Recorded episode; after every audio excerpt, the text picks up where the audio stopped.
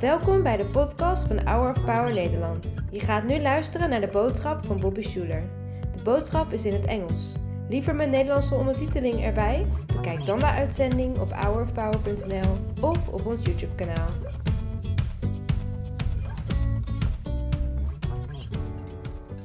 Let's say this together. I'm not what I do. I'm not what I have. I'm not what people say about me. I am the beloved of God. It's who I am. No one can take it from me. I don't have to worry. I don't have to hurry. I can trust my friend Jesus and share his love with my neighbor. I want you today to really believe, to really commit your life, to know with full confidence if today is my day, I know where I'm going. If I'm friends with Jesus, He's going to let me in.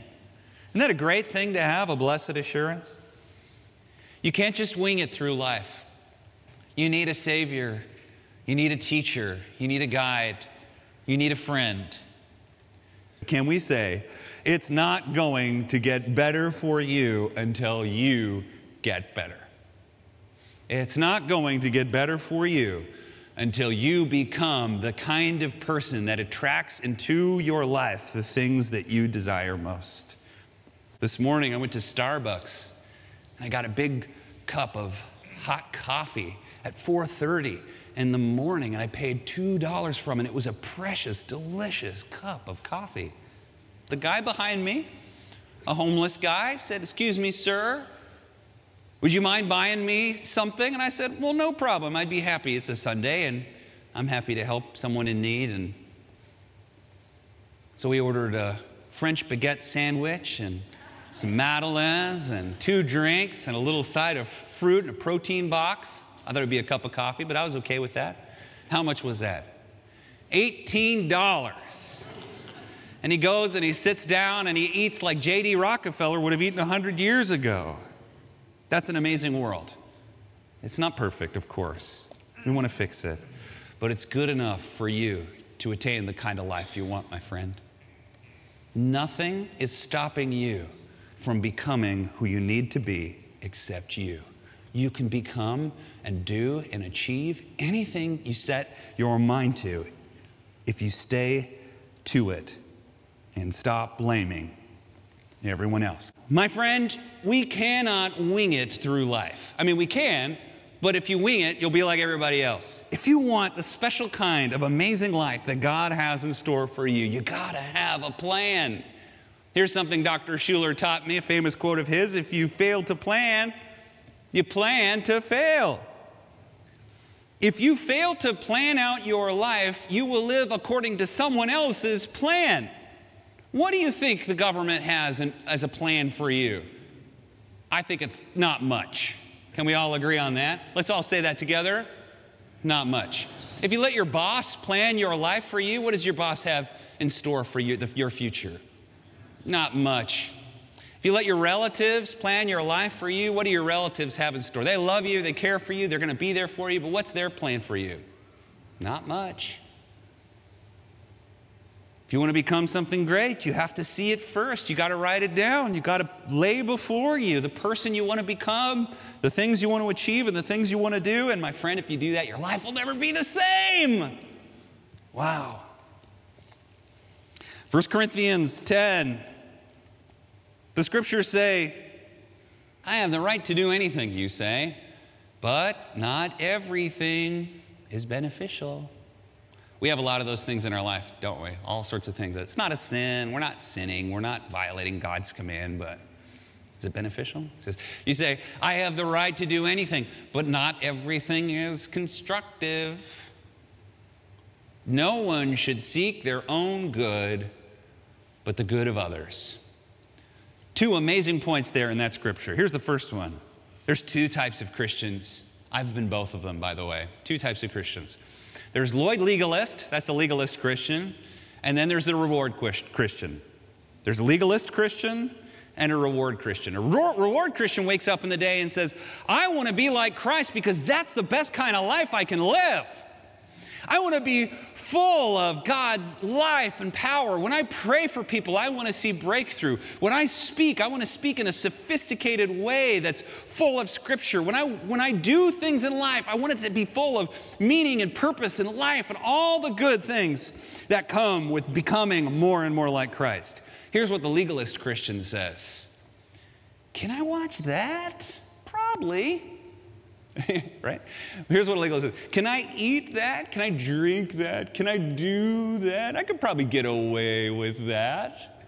If I go over some gray line, I could always pray a prayer.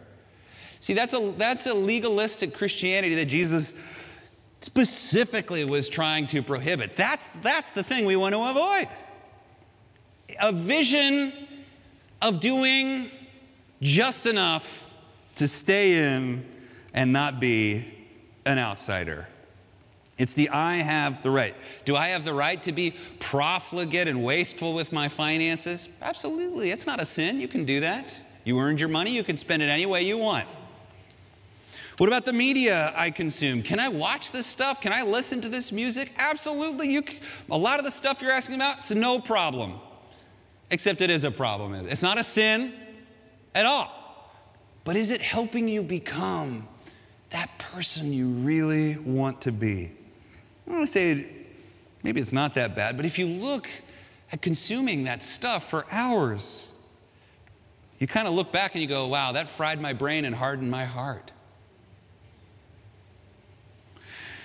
Can I eat whatever I want to eat? Can I eat tons of junk food all the time? Is that a sin if I eat constantly? Probably not.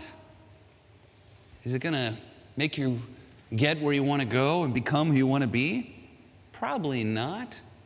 And see, all these things are woven together because when I consume junk media and consume junk food and spend all of my money on junk, right? Then my life becomes junk. My body becomes junk. My future becomes junk.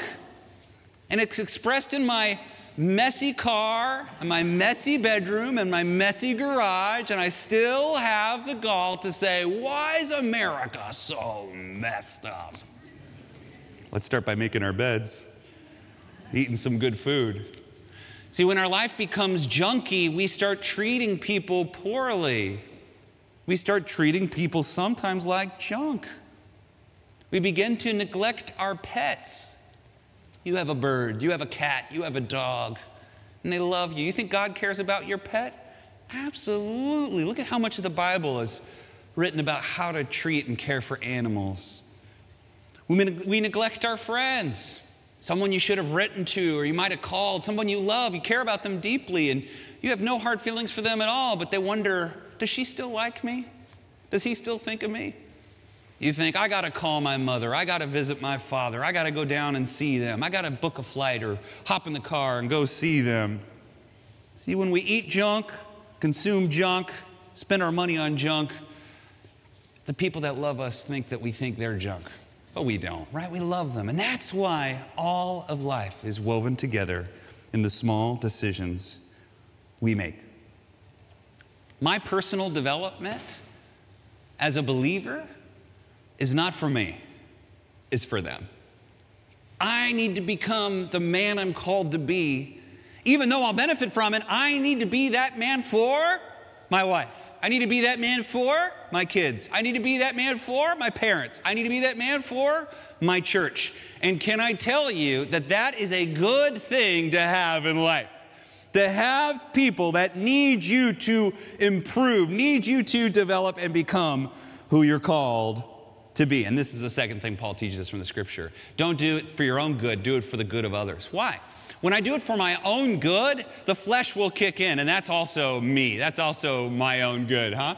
Hey, you say, I want to get in shape, I want to lose a little bit of weight until you're having a stressful day, and then when you eat a whole can of Pringles, and yes, I've actually done that, you go, that was also for me, you know, that was a little Bobby move, huh? But when you're doing it for someone else, Hey, that's a good thing. That gives it power. Here's a good goal I want to get in shape. That's a good goal. I bet almost everybody in this room has a, a goal like that. I want to get in shape. That's not enough, it won't get you there. Here's a better goal I want to be healthier so that when my granddaughter gets married in 10 years, I'm alive to be there with her. I know she loves me. And if I was gone, she would be heartbroken if I wasn't there. I want to be healthy. I want to see my grandson become a doctor. I know that I pray for him all the time, and it's going to be about 10 years away before he becomes a doctor, but I want to be alive when that comes. So I'm going to get healthy so I live to be with him on that day. That's a better goal. You'll say, I am so glad I got up in the morning, that my back didn't hurt as much, that I was able to go upstairs like it was no problem, that my walking was better, that I not only added years to my life, but I added life to my years. That's a good goal. That's a, I stole that quote from my dad, by the way. He wrote a book called that. I'll do a lot of stealing from my dad and grandpa. Being needed is such a treasure, isn't it? Being needed is, we don't understand how important being needed is to achieving what we want to achieve. Man, I've written to for years, good man, uh, who has struggled with depression his whole life, when he hits a low point, he'll write me and say, I wanted to take my life today, but I knew that if I died, no one would be there to take care of my cat. Is that a good reason to stay alive? Do you think that's a good reason to take care of your cat? I think that's a terrific reason to stay alive. It's great when your cat needs you, your dog needs you, your neighbor needs you, Someone in the hospital needs you, a colleague needs you. What a treasure to be needed. Those are the things that get us very often through the rough spots in life. There was a radio show back in the day. Uh, brilliant clinical therapists would receive phone calls. People would call in with their problems. One of the hardest calls I ever heard. A woman called in and she said, I don't know how I can make it. My child, my daughter, died. And I can't get out of bed. I can't go to the grocery store. I, I can't take a shower. I can't do anything with my life. Now, when I took clinical therapy in graduate school, they would have taught me back then that when someone says something like that, you ought to empathize. Don't give them solutions, don't solve their problems. And this is good advice. They would say stuff like, oh, that must be horrible, that must be hard. But this phone call, I heard something I'd never heard before, something I would have never thought of. She said to this mother, she did empathize. I can't imagine what that's like. Every parent's nightmare. But then she said, but don't forget your other kids just lost their sister and they need a mom. And don't forget your husband also lost a daughter and he needs his wife. And you could hear in her voice that she got a second wind. Not that it didn't hurt anymore, but there was a purpose, a reason to get up and get out of bed. It was the people that needed her. Wow, that's powerful. That's powerful. So in life, when we design our life and prepare our life, we ought to think in our goals about who we are becoming for. And if you don't have someone in your life, get someone, even if it's a cat. It'll improve your life, I promise. But as we go along in life, we take on these things in our life called barnacles. Barnacles are these things that grow on ships and they don't destroy the ship, they don't ruin it, but they don't help. They're the things that kind of grow when a ship sort of sits in the harbor for a long time. This metaphor was used by the Reformed doctors years ago when, we, when they were uh, reforming the faith. Now, we love our Catholic brothers and sisters, our Orthodox brothers and sisters. Uh, we've had uh, Father Christopher preach here, and Henri Nouwen, and others, but the Reformed doctors wanted a simpler kind of Christianity one that was only based on the Bible. And they said, you know, as the church went along and it was chugging away and going along through history, it took upon itself these barnacles, these, in their view, as icons and statues and things like things we, we don't want anymore. They said, we got to scrape off the barnacles. They're not sin, but they're not good. We're going to scrape them off. And boy, is that a good metaphor for life or what? As you go along in life to achieve your goals and the things you set out to do, you get these barnacles on you. They're not destroying you, but they sure are slowing you down. You might think of, you know, barnacles in your life. They're not sins, but they're not helping. I'm sure you've already thought of a couple barnacles, right, that are hanging on the hole. You're always going to have them. But there's something about like when a ship sits in a harbor for a long time, that's when it really gets the barnacles.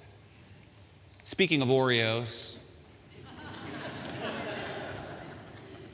you know, you want to eat less Oreos? And I, Hannah will get a hankering from Oreos for time to time. She eats super healthy, but then she'll want double stuffed Oreos. And I'll go get them and I'll bring them back and I'll come to get a cookie and they're all gone.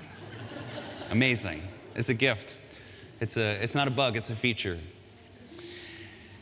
And this used to happen on occasion where, you know, once every couple months she'd send me out and I just didn't feel like going out. And then so I just started buying them. And when I go to the grocery store, she said, You can't just buy them and keep them around, then I'll eat them all the time. So I came up with a solution, and this is real. Whenever I go grocery shopping, I buy two packs of double stuffed Oreos and I put them in my safe. we'll have a safe upstairs Hannah doesn't know the combo. She doesn't want to know the combo. And anytime she gets a hanker, and I go in there and chick, chick, chick, chick, chick, chick, chick, chick, chick, chick, right? And I pull up. That's a way to handle a barnacle in our lives. Someone asked me last week, Do you have TikTok? And I say, I do. I lost my login a month ago, and I haven't asked for it back from Dakota, my personal assistant. You know why? Because TikTok is that good. You just sit down and you just start going video after video, and they're all funny. And you go, go, go, go, go. And an hour goes by, and I went, that was not in line with my goals. I think that could have been an hour where I could have helped my daughter with her homework, or had a cup of coffee with my wife and asked her how her day was going, or read a book on how to improve as a speaker or as a friend or in my profession. Or that could have been a moment that I would have spent calling an old friend or visiting with my dad or having dinner with my mom or cooking something delicious, improving my skill as a cook, or any of these other things that I want in my life as I become the person I want to be, but instead I wasted it on TikTok. Some of you are saying, I don't watch Netflix anymore because I've seen it all. Well, that's good. Uninstall Netflix. There's 5,000 movies. It is not helping you become who you want to be. You say, Well, Pastor Bobby, I don't know who I want to be. Well, there it is. Let's know. Let's know. Let's write it down. Let's think about it every day. Let's be obsessive about who we want to become and work into our lives the kind of disciplines, practices, and people that will make us that way. Never become complacent if you've had wins, successful victories, you hit those goals, you've achieved what you want to achieve, never become complacent in your personal development. That's when it all starts to fall apart. Yes, we should take rest, but real rest. Real rest. Lean into boredom. All of history, human beings have been slathered in boredom. Boredom. Everything's boring all the time. Not anymore.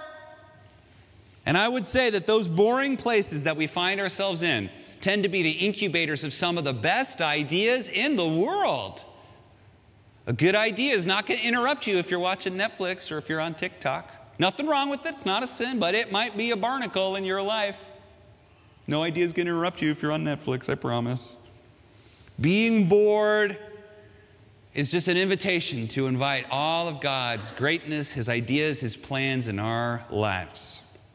I think the real problem is not the boredom, is that we're in ugly places. I notice that people are not, being, are not worried about being bored on the beach in Hawaii. They don't have anything to watch, they don't have any books, they don't have anything to do, and yet they're just fine sitting there on a beach chair looking at the ocean. Why? Because it's beautiful. Hey, there's something we can learn. There's something we can learn. Maybe it's good to look for some beautiful places, maybe a park, maybe a friend's house, maybe a museum, maybe something nearby if you're near the ocean or a mountain, to go to a beautiful place to be bored, to hear from God. if you want it to be better, decide today where you want to be in five years, and even more importantly, who you want to be. What kind of a Christian do you want to be? What do you want it to feel like when people are around you? What do you want your bank account to look like? What do you want your friends to say about you? What do you want your employer or employees to say about you? Do you want to be a better leader, a better speaker, a better thinker, a better doer? You could become any of those things if you just take a little time every day and wrap into those moments in your life where you want to become. You'll, you'll never be the same. Wow, you'll never be the same. It's up to you. My grandpa used to say, if it's going to be, it's up to me. I made it a little different. And of course, I'm a Schuller, so it's got to rhyme. If it's going to be, it's up to me to become who I need to be. That's it. We thank you, Lord, for your life and your promise to us. We are willing, some of us, to pay the price for that promise. We pray that your Holy Spirit would guide us and give us the kind of brilliant ideas that you have for us to become who we need to be. Lord, we love you and we thank you. It's in Jesus' name we pray. All God's people said, Amen. Would you stand with me? Bedankt voor het luisteren naar de podcast van deze week. We hopen dat deze boodschap jou heeft bemoedigd. Wil je meer weten over Hour of Power of dagelijkse bemoedigingen ontvangen? Ga dan naar www.hourofpower.nl.